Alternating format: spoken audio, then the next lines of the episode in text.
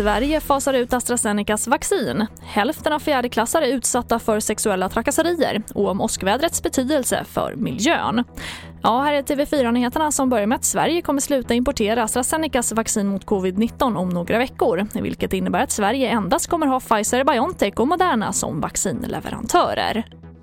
Under de kommande tre veckorna behöver Sverige ungefär 200 000 doser till av AstraZeneca-vaccinet, främst till personer som väntar på sin andra dos.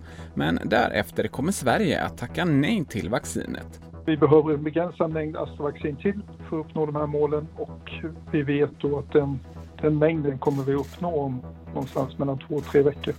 Och därför finns det inte anledning att importera mer Astra-vaccin till Sverige efter det, för det finns inget behov längre. Riskerar inte att få för lite vaccindoser då? Nej, det här är tilltaget med marginal och det är ju inte så att vi kommer att sluta använda Astra utan det finns ju Astra-vaccin kvar i landet och det kommer att användas även fortsättningsvis eh, till de över 65. Och sist hörde vi statsepidemiolog Anders Tegnell och reporter var Kalle Hedlund. Och av tusen fjärdeklassare i Västsverige uppger hälften att de utsatts för sexuella trakasserier av andra i samma åldersgrupp vid minst ett tillfälle under en termin. Det visar en ny studie vid Göteborgs universitet som SVT rapporterar om. Och vanligast är trakasserier i verbal form och syftet med studien är att öka förståelsen för när, hur och varför sexuella trakasserier uppstår under mellanstadiet.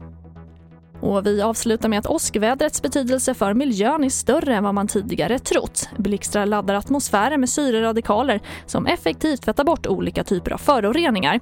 Och det här har man vetat om tidigare men enligt nya rön som tidskriften Science skriver om så är förekomsten av syreradikaler tusen gånger högre än vad tidigare studier kommit fram till.